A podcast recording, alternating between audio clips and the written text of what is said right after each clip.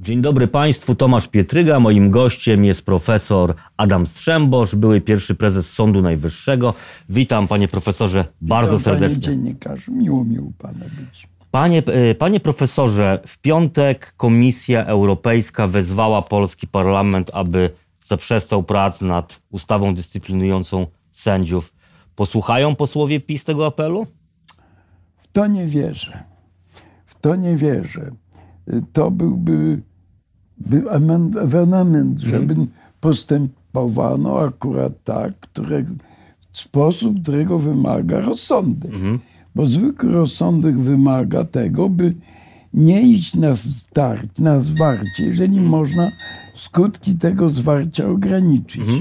No, równocześnie wiadomo, że przecież komisja dysponuje różnymi innymi środkami poza tego rodzaju prośbą, prawda? Czyli, czyli można się spodziewać, że to jest taka zapowiedź dalszej reakcji komisji, która nastąpi po tym, jak, jak przepisy Jeżeli- zostaną uchwalone, jeżeli zostaną uchwalone oczywiście. Tak. No, y, przy normalnej procedurze występowania do Trybunału y, Europejskiego w Luksemburgu są pewne czynności, które przedłużają możliwość złożenia takiego wystąpienia. Mhm. Ale zabezpieczenie, Czyli tak jak było z Sądem Najwyższym, podobno to, było już, już testowane. tak jak chyba było z Puszczą, ka- y, Tak, ale też z Sądem Najwyższym. był- Sądem Najwyższym z też. To zabezpieczenie Mhm.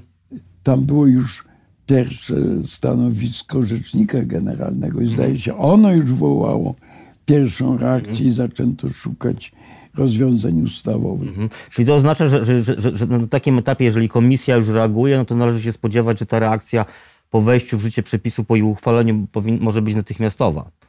Tak sądzę. Poza tym, jeżeli komisja tak się angażuje w tę sprawę, to znaczy, że nie odpuści. Mhm. Dlaczego ta ustawa jest y, zła, niedobra? Y, dlaczego budzi tyle kontrowersji? No, moim zdaniem ona sposób istotny uderza w niezawisłość sędziowską. Nie tylko dlatego, że wprowadza specjalne środki dyscyplinarne za zachowania, które nigdy nie były dotąd y, wykroczeniem dyscyplinarnym, że oddaje całą, całą, całe postępowanie dyscyplinarne właściwie w ręce ministra sprawiedliwości. On powołuje rzecznika, który wszczyna postępowanie, określa sąd, który to rozpoznawał w sądzie apelacyjnym, już nie będzie rozpoznawał według tego projektu. Sprawa będzie trafiać do Izby Dyscyplinarnej i ta w pierwszej i drugiej instancji rozstrzygnie to jak należy. W pierwszej instancji jeden sędzia będzie decydował powiedzmy o uchyleniu immunitetu, o wszczęciu y, zastosowania określonych środków. Mhm. PiS mówi, że chce w ten sposób zatrzymać chaos prawny i anarchię, która się pojawia, a to przez to, że y, jedni sędziowie y, już to robią, ale Drugim podważają status sędziów powołanych przez tą now, nową Krajową Radę Sądownictwa. Panie redaktorze, to na pewno nie jest pożądane, by w ten sposób załatwiać te sprawy, które należy załatwiać ustawowo. Gdyby w obecnej sytuacji y, uchwalono ustawę, która by w sposób zgodny z konstytucją i oczekiwaniami Trybunału zreformowała Krajową Radę Sądownictwa, i ta rada od tego momentu działałaby bez zarzutu. Jeżeli wprowadzono by również takie środki, które by mogły w krótkim czasie zweryfikować y, kwalifikacje tych sędziów powołanych w sposób neoradę krajową, to bardzo szybko byśmy wyszli na prostą.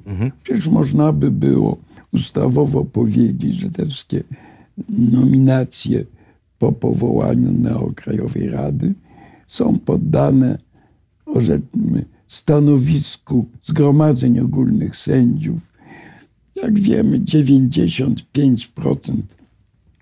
tych wypadków, to znaczy tych spraw sędziowskich, byłoby ocenione pozytywnie. Tam, gdzie byłyby jakieś ogromne zastrzeżenia do moralności czy do kwalifikacji danego kandydata na sędziego albo sędziego wyższej instancji, to bardzo dobrze, jeżeli to się odpowiednio wcześnie usunie z wymiaru sprawiedliwości. Ujawniono, że przecież w wymiarze sprawiedliwości byli tacy sędziowie, którzy byli gotowi z wiceministrem sprawiedliwości prowadzić no jednak podłą nagonkę na innych sędziów. No, chyba się zdyskwalifikowali, ale przecież to jest dziesiąta część procentu ogółu sędziów. Tylko panie profesorze, chyba większa część tych sędziów to jednak byli sędziowie, którzy byli powołani jeszcze przez starą KRS. Tak, ale no ja wiem, ale byli mhm. awansowani na ogół. Mhm. No już pomijam, że byli powołani na stanowiska prezesów i to z od razu sądów okręgowych. Ale panie, mhm. panie profesorze, ale zatrzymajmy się nad, nad, tym, nad tym KRS, bo dlaczego w tej procedurze nominacyjnej sędziów, czy, czy powołania na stanowiska, czy awansowania na stanowiska, to KRS jest takie ważne, skoro on, jego opinia nie jest wiążąca dla prezydenta. Ona nie musi być brana pod uwagę. Nie, ona jest wiążąca. Obecnie jest wiążąca. Jeżeli... Prezydent chyba nie jest zobowiązany decyzją, to jest nie, jego osobista nie, nie. prerogatywa. Nie, nie, ja to zaraz wyjaśnię. Hmm? Otóż dotychczas było w ten sposób, że propozycja, a właściwie wniosek do, ministr, do prezydenta powodował powołanie formalne mhm. danej osoby na dane stanowisko sędziowskie. Za y, wtedy, kiedy był prezydentem świętej pamięci Lech Kaczyński, był przypadek, że on wstrzymał, wstrzymał trzy, tak. trzy czy pięć nominacji, ale potem przyjął ślubowania tych mhm. sędziów. Poza tym przyjęcie praktyki że skoro ustawa, a taką jest konstytucja, która musi mieć oczywiście y, pojęcia o tym samym charakterze, prawda, mhm. tej samej definicji. Jeżeli nadano by prezydentowi możliwość odmowy powołania na dane stanowisko. Bo to może zrobić, prawda? W tej, w tej chwili tak się o tym wspomina, ale to ma daleko idące konsekwencje. To na wniosek premiera prezydent mógłby odmówić powołania konkretnego ministra no. albo odwołania konkretnego ministra, bo przecież w jednym i w drugim przypadku ustawa w taki sam sposób y, reaguje odpowiednie przepisy. Prezydent powołuje mhm. i premiera, y, prawda, zgodnie z, a przede wszystkim ministrów powołuje, odwołuje, powołuje sędziów Trybunału Konstytucyjnego i powołuje sędziów sądu powszechnych, Sądu Najwyższego. Mhm. Tu nie ma żadnej różnicy. Jeżeli przyjmiemy, jest tendencja do tego, by przyjąć, że prezydent może odmówić powołania, no. Mhm. Znaczy... Jeżeli będzie, panie redaktorze, to, że mniej uległy mhm. prezydent to on z tego może skorzystać. No może z tego skorzystać. Znaczy ja, ja, ja, ja zadaję pytanie formalne. No, czy, znaczy może skorzystać, jest to jego indywidualna prerogatywa, wynikająca z tego, że jest najwyższym organem konstytucyjnym. I tutaj chyba nikt nie ma na niego wpływu. Czy, czy taki organ jak Krajowa Rada Sądownictwa? Pana Krajowa Rada Sądownictwa ma właściwie głos decydujący. Mhm. Ona decyduje o tym, kto ma być na jakie stanowisko powołany. Mhm. Prezydent tylko nadaje temu pewien kształt formalny. Czyli jest, jest długopisem? Bez... To, oczywiście. Mhm. I zawsze tak było. Ja przez 8 lat towarzyszyłem prezydentowi przy tych ślubowaniach. Nie było ani jednego przypadku w ciągu tamtych 8 lat, żeby wniosek Krajowej Rady nie był uwzględniony. Mhm, ale z drugiej strony, no właśnie, te, te, ten przykład świętej pamięci Lecha Kaczyńskiego, no jednak pokazuje, że, że w pewnych sytuacjach prezydent może powiedzieć nie. Nie, on, nie, on tylko wstrzymał się z decyzją, mhm. ale ostatecznie przyjął ślubowanie. Mhm. Natomiast obecnie mówi się, że prezydent może odmówić, ale nie może powołać bez wniosku KRS. Mhm. Panie profesorze, ale jakbyśmy się zatrzymali jeszcze na tej, do tej Krajowej Rady Sądownictwa, ale schodząc trochę do historii, bo jak, bo pan uczestniczył w tych wydarzeniach. Krajowa Rada Sądownictwa została powołana w związku z okrągłym sto, stołem był 30 podstolik. grudnia 89. No właśnie, czy to był taki organ w, tym czasie, jak został powołany? Czy on był taki w pełni niezależny? Trudno mówić o niezawisłości, jeżeli są tam e, e, politycy, ale czy był niezależny od władzy politycznej wtedy? Jaka była idea wtedy tego? W czasie 1981 roku, kiedy około tysiąc sędziów asesorów było w, byli w Solidarności mhm. i działała Krajowa Komisja Pracowników Wymiaru Sprawiedliwości, opracowano cały system gwarancji niezawisłości sędziowskiej. Mhm. To później znalazło się w uchwałach pierwszego zjazdu Solidarności w Oliwii. Mhm. Kiedy wybuchła wolność, ja spod szafy wyciągnąłem te opracowania z tamtych lat i użyłem jako podstawę rozmów przy okrągłym stole na temat gwarancji niezawisłości mhm. sędziów i niezależności sądów. I myśmy opracowali to na wzorach najlepszych w Europie, przede wszystkim portugalskim. Mhm. Sposób kształtowania tej Krajowej Rady jeszcze był nieco zmodyfikowany w czasie postępowania y, w ramach uzgodnień ministerialnych, ale założono, że skoro Krajowa Rada Sądownictwa ma gwarantować niezależność trzeciej władzy, to wobec tego ona musi składać się w taki sposób, musi być ukształtowana w taki sposób, by z jednej strony sędziowie mieli w niej przewagę, ale ich działalność nie byłaby niepoddana kontroli. Mhm. Stąd czterech posłów, dwóch senatorów, przedstawiciel prezydenta, minister sprawiedliwości, a do tego 15 sędziów wybranych przez sędziów.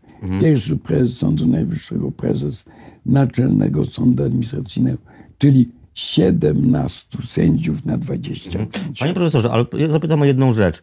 Dlaczego wtedy przy okrągłym stole, przy tym y, y, tak. y, stoliku dotyczącym tak. sprawiedliwości, jednak nie, nie, nie przeforsowano zakazu łączenia funkcji sędziego z członkowskim w PZPR-ze. No bo to nie udało się tego zrobić na samym początku, czyli, czyli wskazywało na to, że ci sędziowie nie do końca, nawet ci, którzy weszli nie, do ale proszę pana, już ustawa z 20 grudnia pozbawiała sędziów prawa należenia nie tylko do partii politycznej, ale. A 89 roku czy później? Tak, mhm. 20 grudnia 89. Mhm.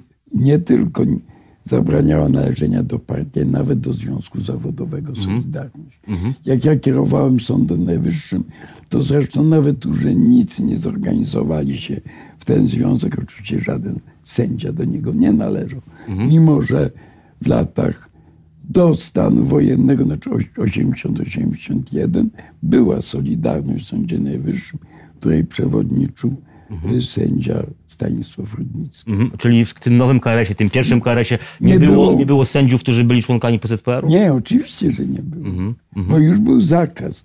Ten zespół ustaw z 20 grudnia 89 regulował wszystkie podstawowe problemy dotyczące sądownictwa powszechnego i Sądu Najwyższego. Mhm. Wobec tego wprowadzał też te zasady, które no, uważaliśmy w danych warunkach za niezbędne, bo w Niemczech, we Francji sędziowie należą do partii politycznej. Mhm. Prawdopodobnie nie są powoływani na jakieś wysokie stanowiska partyjne, ale mogą należeć, mogą taką działalność prowadzić.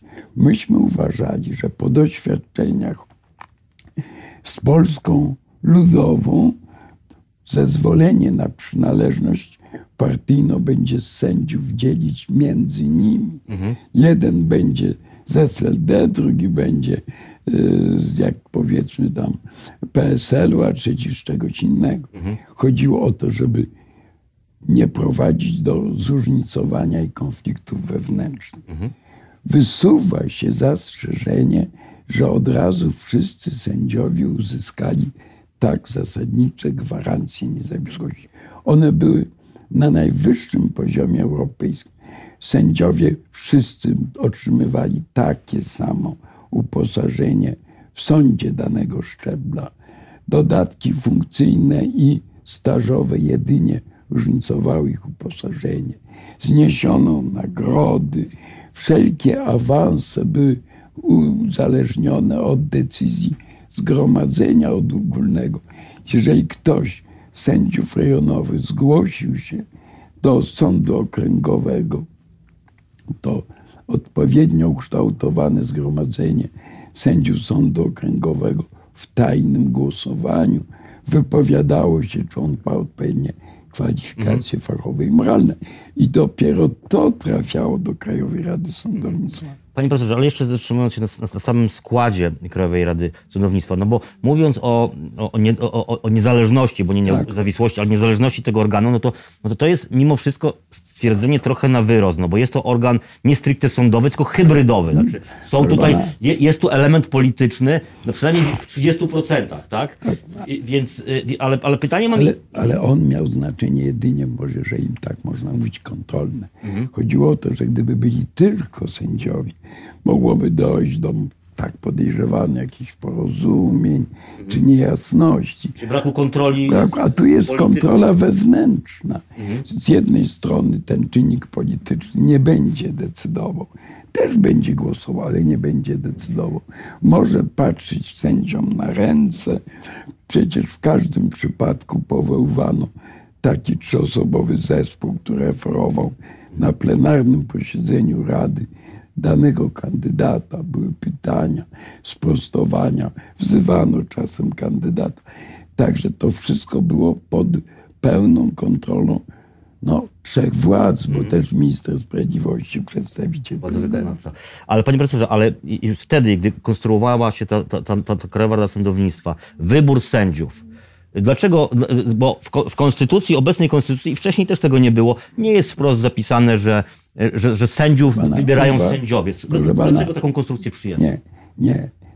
To było zupełnie oczywiste. Jest taka zasada, że o ile obywatel może wszystko robić, co nie jest zakazane, mhm. o tyle organ państwowy ma tylko takie kompetencje, jakie mu zostały wyraźnie przyznane. Otóż parlamentom, parlamentowi przyznano sześć osób w składzie Krajowej Rady, czterech z Sejmu, dwóch senatorów mhm. i innym. Natomiast było oczywiste, że sędziów wybierają sędziowie i to była praktyka. To było w ustawie z 20 grudnia. Przy wszystkich nowelizacjach i w ogóle aż do momentu, kiedy powstała ta neokRS, było dla wszystkich oczywiste, że sędziów wybierają sędziowie. Ustawy szczegółowo określały w jaki sposób to następuje. Były pewne zarzuty, że w Krajowej Radzie za dużo znajdowało się, znaczy zostało wybieranych osób z wyższych sądów. No bo tak było. Bo tak było. No wie pan, jak zbierze się zgromadzenie 500 y, sędziów, no to tych rejonowych no, znają w danym sądzie. A oczywiście sędziów okręgowych czy apelacyjnych zna nieomal każdy. No ale to bo, bo można było tak sko- ale te, mechanizmy tak, wyborcze, że mogło być zupełnie inaczej. tak przewidywano. Teraz w projektach, które są przygotowane, mówi się, że trzeba określić wyraźnie, ilu sędziów ma być sądów okręgowych, ilu okręgowych. I większa demokratyzacja. Tak, nie no po pierwsze większa reprezentacja wszystkich rodzajów no, Ich jest najwięcej, ich jest najwięcej. Panie profesorze, ale jeszcze wrócę, zatrzymam się jeszcze na, na, na momencie do, do, tej KRS. To dlaczego, jeżeli to było takie oczywiste, że sędziowie wybierają sędziów, było to w ustawach, konstytucja z 97 roku, dlaczego tego nie wpisano wprost? Sędziowie wybierają sędziów. W tej chwili, gdyby taki zapis był oczywisty wprost, PiS przecież by niczego nie mógł zrobić. No. no proszę pana, oczywiście nikomu nie przyszło do głowy, żeby mm. to mhm. wpisywać. To wydawało się oczywiste, taka była praktyka do 90 1997 roku. No i poza tym, jak się mówi wyraźnie, co należy do Sejmu, no to nie można temu Sejmowi dodawać 15 stanów. No, ale można, znaczy, znaczy, znaczy wskazanie Sejmu, że wybiera czterech, no to jest to określenie czterech, że nie może wybierać nie więcej. Na przykład nie może wybierać Ale nie, pięciu. że w ogóle nie może nikogo więcej. To jest oczywiste. Mhm. Wie pan, z poważnych konstytucjonalistów właściwie nie ma ani jednego, który by twierdził, że Sejm może wybierać 19 osób. Panie, panie profesorze, to zakończmy sprawę KRS-u, ale jeszcze zostanie trochę przy historii i przy tak zwanej weryfikacji sędziów w 1989 roku. Pan był jednym z głównym, y, to, tą osobą, która, która, y, która się tym zajmowała. Y, Proszę pana, to było inaczej. Mhm. To znaczy, wypłynął gdzieś, pewnie w Komitecie Obywatelskim, czy gdziekolwiek, ja nie wiem, problem weryfikacji sędziów. I wtedy padło pytanie, kto ich ma weryfikować. W, są, w Ministerstwie Sprawiedliwości dyrektor Departamentu Kadr Ubek. To wszyscy wiedzieli. Dwóch wiceministrów z PZPR, trzeci ZS, ZSL. Ja byłem jedyną osobą, która do tego ministerstwa się dostała z zewnątrz. Było jasne, że ministerstwo nie może podjąć tej funkcji. Prawda? To było oczywiste. Powstał problem, kto ma tą weryfikację przeprowadzić. Otóż ja nie pamiętam kto, ale wysunięto problem, że powinni to zrobić adwokaci, powołać komisję. I ja z paroma adwokatami rozmawiałem. Oni się pukali w czoło. Ja mam, żeby decydować, który sędzia będzie mógł, a który nie będzie mógł pracować, co według ilości wyroków, które mi się nie podobały, albo oddalonych, a powiedzmy środków odwoławczych. Oni... Chodziło też o poważniejsze rzeczy, no chociażby stan wojenny, zaangażowanie y, w stan wojenny, także tutaj te, kryteria pana. były. proszę pana, stan wojenny. W stanie wojennym ogromna liczba sędziów zachowała się niezwykle przyzwoicie. No tak, ale byli też tacy, którzy się Ale, zachowali nieprzyzwoicie i pana, i tymi trzeba było się zająć indywidualnie. I ja byłem zwolennikiem, żeby uchylić przedawnienie postępowania dyscyplinarnego, które to przedawnienie było jednego roku. I tych indywidualnie odpowiedzialnych za to, że nie byli niezawiśni, że przekraczali granice prawa i tak dalej, postawić przed sądem dyscyplinarnym. Ale tak, pierwsze podejście do odpowiedniego przepisu Trybunał Konstytucyjny uchylił, ponieważ nie zapytano Krajowej Rady Sądownictwa. Drugie podejście, no tam Trybunał powiedział, że w sytuacjach wyjątkowych prawo może działać wstecz, bo skoro za te nieprawości nagradzano, nie karano, to jest zrozumiałe, że trudno powiedzieć, że one się przedawniły. Zaczęło się to postępowanie, ale to już upłynęło ponad 10 lat. 10 lat, no, czyli, O. czyli, czyli, czyli w 89 roku, w Czyli 90 że- roku ci sędziowie, ci, którzy byli, co? się zasadą Pana, weszli, były systemu. różne sposoby i paru sędziów usunięto z wymiaru sprawiedliwości. Jaka liczba w skali kraju, nie wiem. Mhm. Wiem, że w Warszawie jednego sędziego przeniesiono do drugiego sądu i w Kielcach, bo to się stało, kiedy ja byłem Krajowej Radzie Sądownictwa. Czyli to weryfikacja sędziów była, czy jak, jak? Natomiast weryfikacja z punktu widzenia powiązań agenturalnych była od razu wtedy, kiedy była weryfikacja posłów, senatorów, ministrów.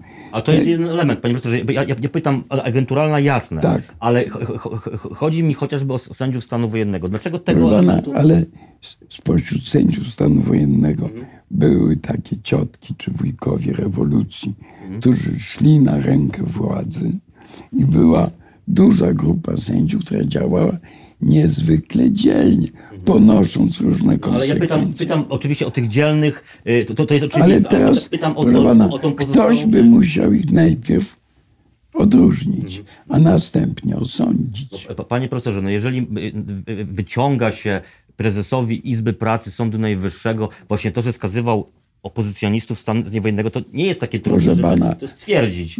Y, Pan sędzia Iwulski trafił do Sądu Najwyższego, kiedy jeszcze ja nie byłem pierwszym prezesem. Ja razem z nim trafiłem, ale Ale system powinien go wcześniej tak. złapać. proszę pana, no to tą Krajową Radę Sądownictwa, która wtedy funkcjonowała, można by było egzaminować.